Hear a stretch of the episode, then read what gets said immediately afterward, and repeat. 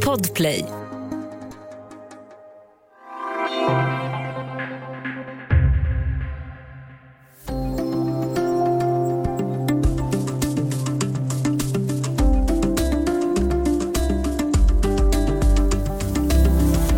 När kalla kriget tog slut och muren föll inledde många östeuropeiska länder demokratiska reformer.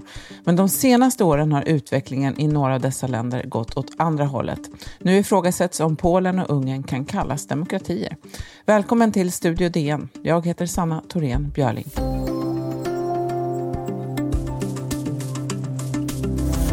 Polen och Ungern gör inskränkningar i pressfriheten och tar bort integriteten för public service. De angriper kvinnors rättigheter och attackerar rättsväsendet och universiteten.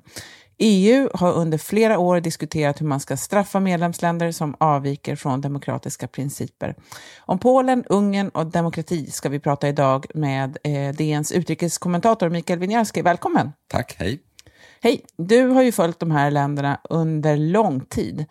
Ehm, en sån här utveckling kommer ju ofta smygande. Vet du, kan man säga ungefär när de första tecknen kom eh, på att man gick i, åt, i antidemokratisk riktning i Ungern respektive Polen? Det är ju två olika länder här. Ja, i Ungern började det kanske för ja, ganska exakt tio år sedan. För när det här eh, Viktor Orban och hans parti Fidesz, de vann en jordskredsseger det var väl 2010 och, eh, och då, de vann så mycket så att de fick två tredjedelars majoritet i parlamentet så att då hade de frihet att ändra författningen på egen, för egen hand. Och eh, då ändrade de det så att de, deras, det styrande partiet fick ökad, eller det regerande partiet då fick ökad makt till exempel så författningsdomstolen kunde inte längre ifrågasätta lagar som hade tagits med den här kvalificerade majoriteten, två tredjedelar.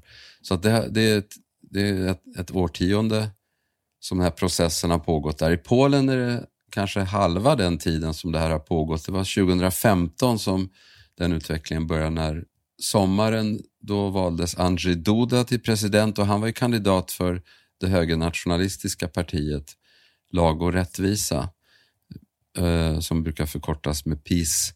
Och eh, samma höst så vann också sam, det här partiet parlamentsvalet och kunde bilda regering. Eh, och precis satte igång sen, gen, omedelbart då med att ta över public service-medierna. Hela ledningen byttes ut och hundratals journalister sparkades. Så att det, man kan se i alla fall några ganska starka hållpunkter där. Så ser man, precis som du säger, flera nyckeldelar i samhället som angrips. Rättsväsendet är ju ett av dem då, där domarkåren bland annat har angripits. Varför är det så allvarligt? Ja, det kan ju låta lite abstrakt, men vi kan ta ett konkret exempel eh, som, som visar varför det här eh, en kontroll över rättsväsendet gynnar de som har Eh, maktägande och deras personliga intressen. Till exempel så ville en vanlig åklagare starta en, en eh, vad heter det nu, en eh, förundersökning om, om brottsmisstanke, om korruptionsmisstanke och, hos ingen mindre än Jaroslav Kaczynski som är partiledare för det här styrande partiet. Då stoppade riksåklagaren det här, det här ärendet. Och, och grejen i Polen är lite speciellt därför att där där är organisationen sån att det är samma personer, riksåklagare och justitieminister, alltså ingår i regeringen.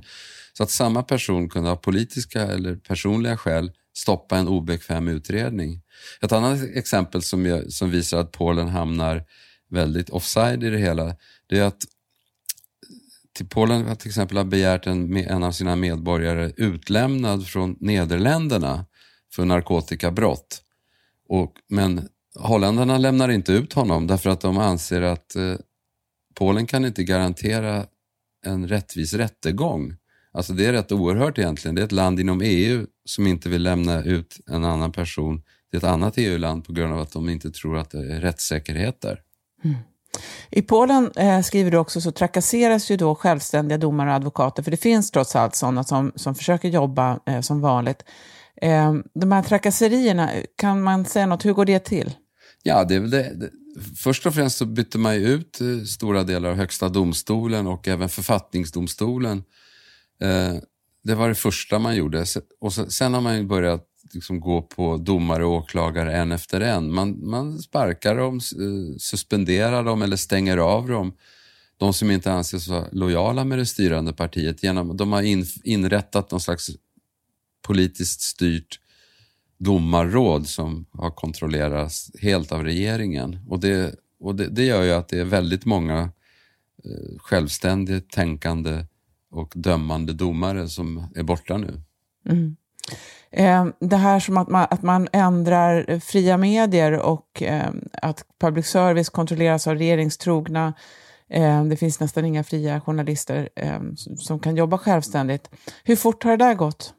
Ja, det, det, det, det är ju samma tidsschema som i övrigt då mellan Ungern och Polen. I Orban, Viktor Orban i Ungern började med det här för tio år sedan och har successivt lyckats kväsa all oberoende journalistik. De har ju inte bara public service utan det finns inga större eh, oberoende tidningar eller radio eller tv-stationer överhuvudtaget kvar i, i Ungern. I Polen har Kaczynski lite, han har inte kommit lika långt, han har inte hållit på så länge. Han vill ju, han, under parollen polonisering av medierna, vill han att alla privatägda medier också ska överföras till under hans kontroll. Polonisering därför att eh, flera av de här tv-stationerna och några av tidningarna ägs av amerikanska och tyska ägare. Du pratar ju här både om, om premiärministern i Ungern, eh, Viktor Orbán och eh, då eh, Polens Jaroslav Kaczynski. I vilken grad skulle du säga att de här trenderna är en frukt av enskilda personer? Hur viktiga är de här individerna? Ja, de är viktiga eh, därför att de är, det, det är maktfullkomliga, makthungriga personer som gärna skulle vilja bli någon slags minidiktatorer och inte så små förresten länder. Polen är ändå ett land med 38 miljoner invånare. Så att absolut, det har det säkert med det att göra. Eh, men eh, samtidigt så finns det, det finns ju en underliggande, det är en underliggande grej i hela det här att, eh, som vi kanske kan komma in på mer sen, men jag menar, det, det finns ju en nationalistisk och auktoritär stråk i båda de här länderna som liksom man kan gå tillbaka till före, före andra världskriget. Där, de, där de fanns, det fanns väldigt starka antisemitiska, nationalistiska, främlingsfientliga tendenser i båda de här länderna. De, allt det där sopades under mattan sen efter andra världskriget under kommunismen där så, sådana tankar inte släpptes fram till ytan. Men nu, nu har det kommit upp. De här unkna grejerna har kommit upp nu. Mm. Väldigt intressant. Eh, vi ska alldeles strax tala mer om Polen, Ungern och demokratins utveckling.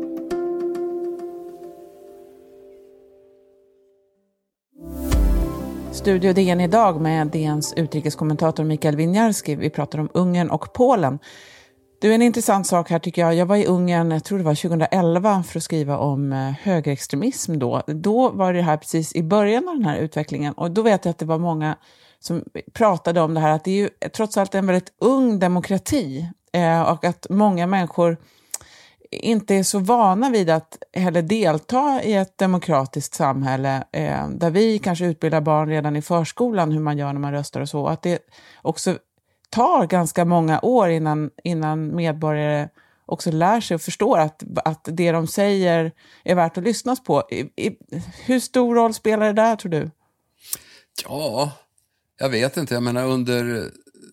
Nu är ju alla människor som är... Eh, jag menar, stor, hälften av befolkningen i de här länderna är väl födda efter att kommunismen föll ungefär. Jag menar, det är ju 30 år sedan. Så att eh, det, det, är svårt att säga. Det, det, varierar nog mellan olika, i olika länder. Jag menar, I Polen till exempel så finns ju, där har ju de har ju religionsundervisning eller kristendomsundervisning i skolorna till exempel och där är det präster från kyrkan som får sköta det där. Det är ju knappast en sån där eh, en progressiv faktor i hur folk, i hur folk utbildas. Å andra sidan så förlorar ju, så, åtminstone i Polen, så är det väldigt tydligt hur den unga generationen eh, har gått långt vidare ifrån det där. Folk går inte i kyrkan i så hög grad som de gjorde förr och de är väldigt mycket pro-europeiska, pro-EU och, och vill inte gräva ner sig i det här gamla reaktionära. Mm. Det finns ju, kan man se att det här är tendenser som liksom smittar? Det finns ju liknande tendenser även i till exempel Rumänien. Eh, kan man se det som att det är en, en smittsam antidemokratisk sjukdom? Ja, man brukar ju tala om att den här äh, högerpopulismen som då naturligtvis väldigt starkt i många länder, även i Västeuropa, i Frankrike och Storbritannien och i Tyskland numera också, att det, det, är en, det är väl en global trend kan man ju säga. Så att den är väl inte, ja, det är svårt att säga om den är värre just i de här länderna än, än någon annanstans. Skillnaden är väl att i, i, just i Polen och Ungern är de styrande i, och sitter i regeringen och har ganska snabbt visat att det här, eh, när de väl kommer till makten så, gör de, så inför de en massa åtgärder som gör att det blir väldigt svårt att få bort dem från makten sen. Det finns ju stora proteströrelser eh, också här och människor som tycker att det här är, är åt skogen. Eh, hur jobbar de och är det, är det farligt att vara oppositionell i de här länderna? I Polen har ju väldigt mycket största uppmärksamhet på sista tiden riktats mot de här kvinnostrejken och det, den har ju gällt just de här provokativa åtgärderna från regeringens eller parlamentsmajoritetens sida att försöka täppa till det sista lilla möjligheten till legala aborter.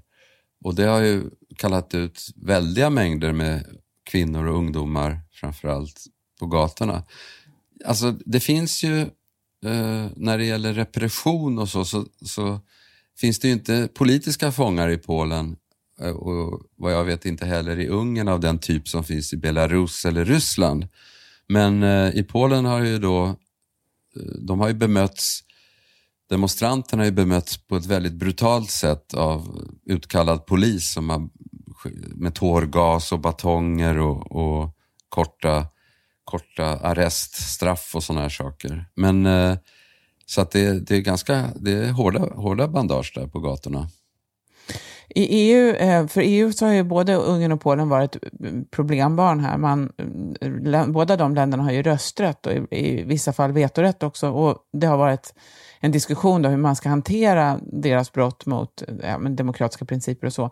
Eh, vad, EU har, det finns ju regler för det här, men, men det har ju varit väldigt svårt att implementera dem eller komma överens om vad som ska göras. Eh, varför det? Ja, det finns väl flera skäl. Ett är väl att Polen och Ungerns regeringar har varit rätt effektiva i sin, i sin någon slags utpressning mot, eh, mot EU. De har, de har just eh, talat om att ja, om, om det inte passar så behöver vi inte, alltså, så behöver vi inte vara med i EU. Alltså någon slags Polexit eller vad det nu skulle kunna heta motsvarande i Ungern då. Alltså efter mönster av vad britterna gjorde alldeles nyss och lämna EU.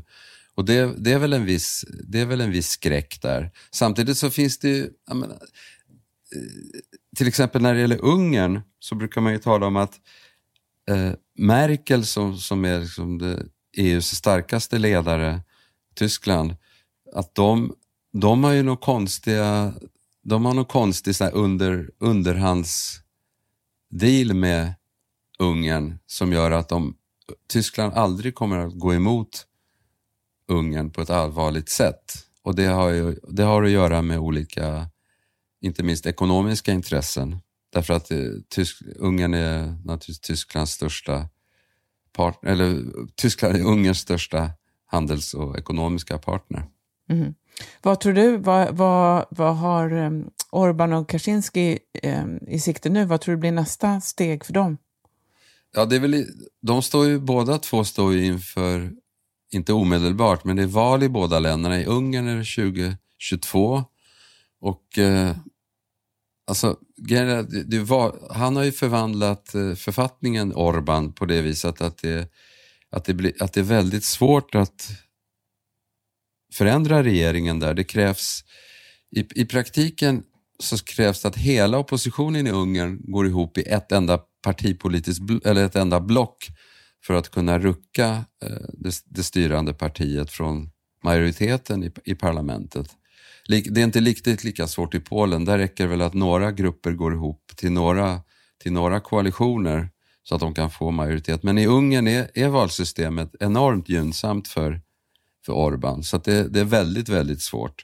Och, då, och just i Ungern, då, där skulle det krävas att extre, yttersta vänstern skulle gå ihop ända bort till yttersta högern, alltså det här nästan fascistiska partiet eh, som är längst till höger där, för att det skulle kunna... Och, det, och det, hur sannolikt är det att de kommer gå ihop bara för att bli av med Orban? Det vet mm. man aldrig. Så det här att man i en demokrati kan rösta bort ledningen, det, det går fortfarande i teorin, men knappast i praktiken då. Eh, tycker du då att man kan kan man säga att, de här, att det här är demokratier alls, eller är det borta nu?